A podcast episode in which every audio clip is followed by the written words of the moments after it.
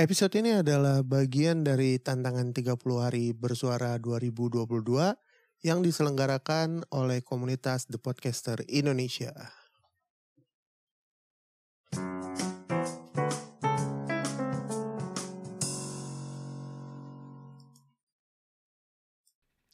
Masuk ke tema hari 12 Free Ongkir. Hah, ini agak mengherankan memang. Kenapa tiba-tiba out of nowhere free ongkir? Hmm, seperti yang kalian baca di judul terkait free ongkir,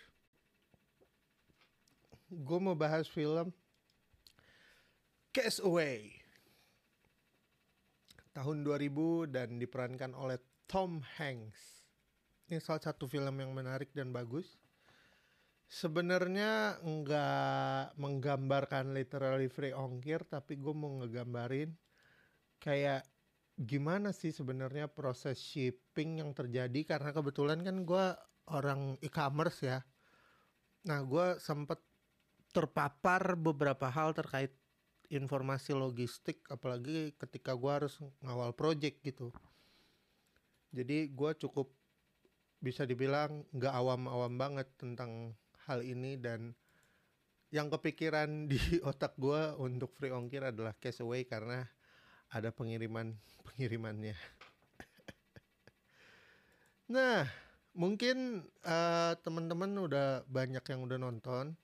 Buat yang belum nonton lo tonton dulu aja cari di platform streaming Netflix video, Disney Plus, uh, eh, HBO Go, Amazon Prime dan lain-lain tapi yang legal. Lo harus nonton ini sih. Apalagi kalau lo suka Tom Hanks. Oke, okay, langsung kita ke pembahasan untuk Cash Away.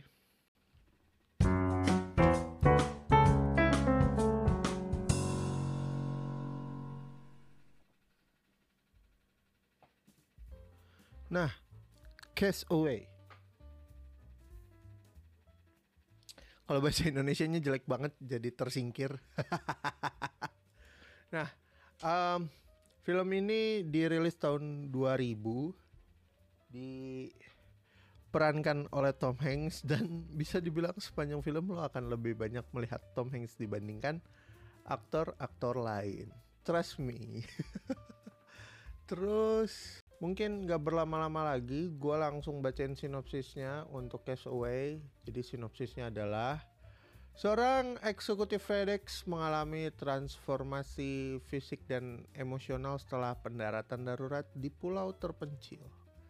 Jadi basically ini ngegambarin gimana caranya seorang eksekutif FedEx yang akhirnya terpaksa bukan terpaksa terdampar di pulau terpencil bersama dengan paket-paketnya dia dan dia harus bertahan hidup hingga akhirnya dia bisa kembali pulang.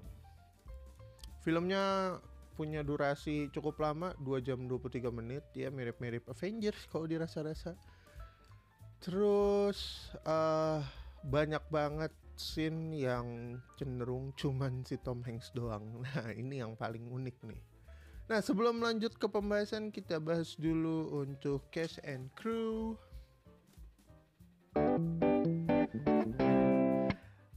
Cash Away disutradarai oleh Robert Zemeckis, ditulis oleh William Broyles Jr. Terus untuk para pemeran di sini ada Tom Hanks sebagai Chuck Nolan, terus ada Paul Sanchez sebagai Ramon, ada Larry White sebagai Bettina Peterson, ada Leonid Chitter sebagai Fyodor, Terus ada Yelena Popovic sebagai Beautiful Russian Woman.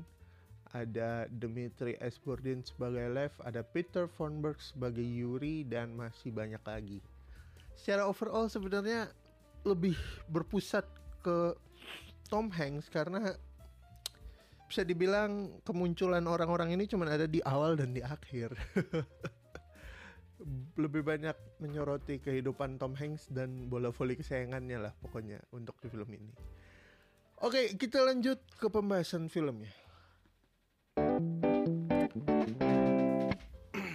untuk Castaway, gue jujur nonton ini di Netflix dan gue masih terlalu dini pada tahun 2000 untuk mencerna filmnya Tom Hanks.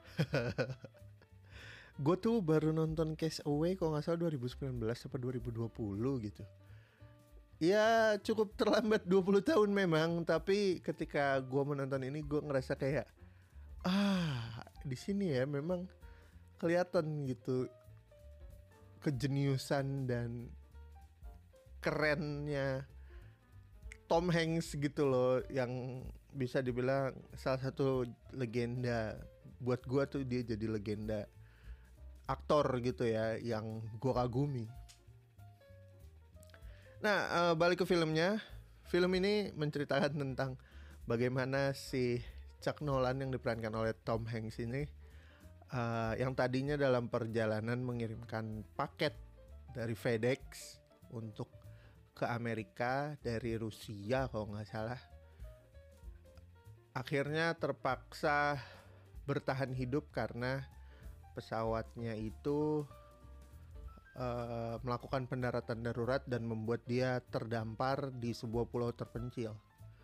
Tanpa orang lain, tanpa uh, kru-kru yang selamat, dia berhasil bertahan hidup dengan menggunakan bantuan paket-paket yang ada di uh, apa ya bahasanya yang yang dia bawa gitu, kargo yang dia bawa dari Rusia untuk ke US dan istilahnya uh, dia ngebikin banyak hal bahkan dia sampai berimajinasi punya teman hayalan si bola voli.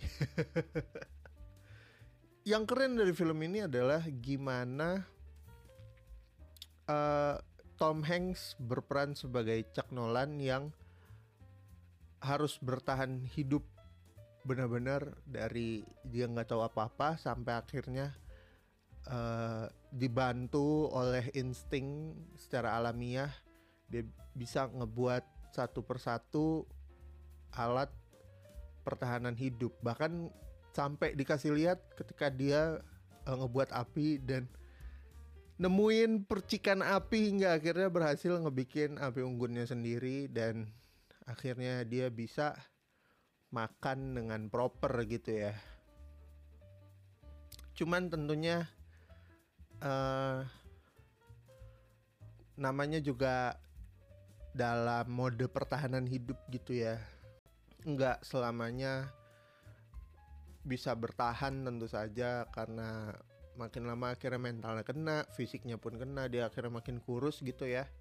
Karena asupan nutrisinya yang kurang dia akhirnya mencoba peruntungan untuk uh, kembali ke tengah laut supaya siapa tahu ada yang bisa ngangkut dia. Cuman karena pengetahuan yang minim dia pun uh, agak susah keluar dari zona pulau terpencil itu khususnya karena uh, dia perlu rakit dan dia nggak ngerti caranya bikin rakit hingga akhirnya dia tahu dan dia harus istilahnya ngelawan ombak yang harus uh, ombak yang gede yang menyulitkan dia untuk sampai ke tengah laut gitu.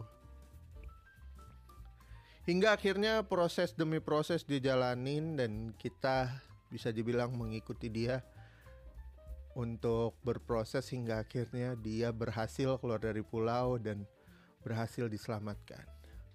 Nah, ketika dia berhasil diselamatkan, dia tuh bisa dibilang kayak dijadiin apa ya di disambut sebagai tamu atau pahlawan yang wah banget gitu pas kembali ke US. Terus karena dia seorang ya bisa dibilang yang baik hati dan sebagai pegawai yang baik dari FedEx ketika udah sampai di US di end sampai ke ending itu digambarin bahwa si Chuck Nolan ini akhirnya nyariin satu persatu alamat uh, paket yang harusnya dia antarkan pada saat uh, dia terdampar gitu ya kasarnya dia tuh mau ngasih memberikan kembali barang yang udah dia pakai atau yang udah ngebantu dia selama di pulau terpencil kayak gitu. Nah, apa hubungannya dengan free ongkir? Jadi gini, lu bayangin gini ya, lu beli sesuatu di e-commerce mana pun, terus mereka ngasih free ongkir.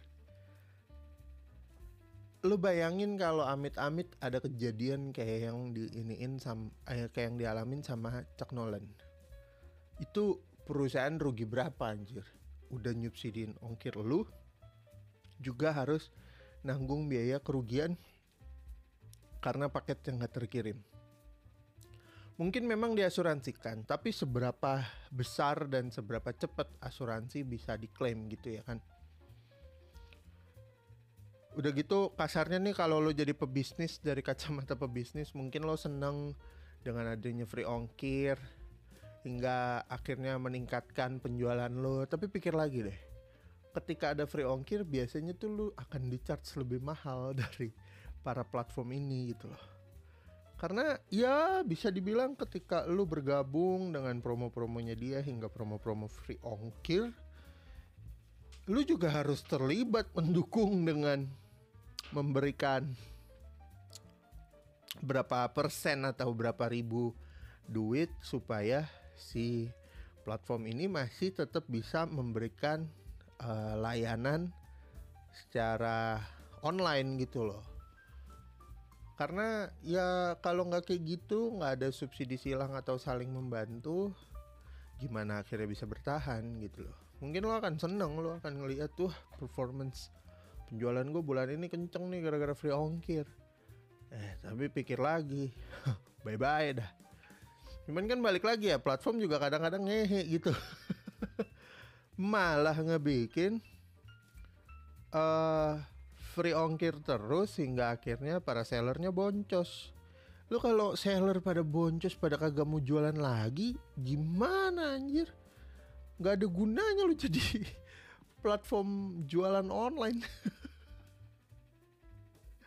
ya tapi gitu ya, namanya juga kapitalis. Pasti ada titik di mana nanti akhirnya ada titik jenuh dan bisa dibilang akan memecahkan bubble free ongkir yang ada gitu loh.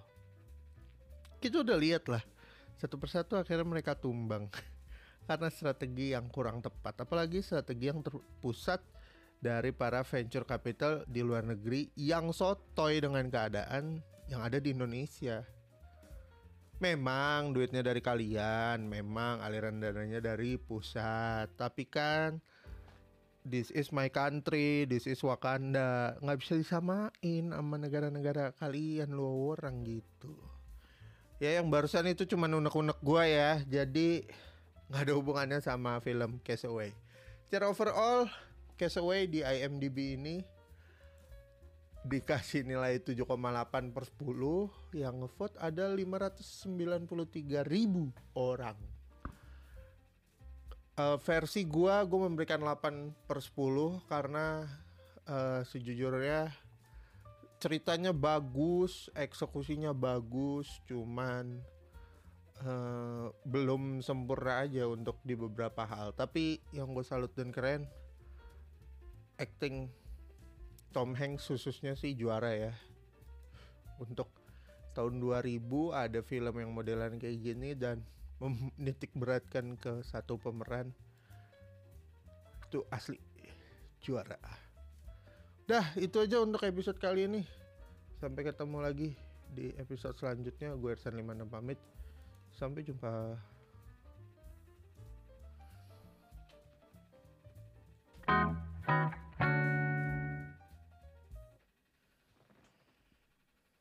Oke, okay, thank you yang udah dengerin podcast Movie Corner Indonesia. Sampai ketemu lagi di episode selanjutnya. Follow gue di @irsan56, bisa langsung DM rekomendasi film ke situ. Terakhir, gue Irsan 56 pamit. Ciao.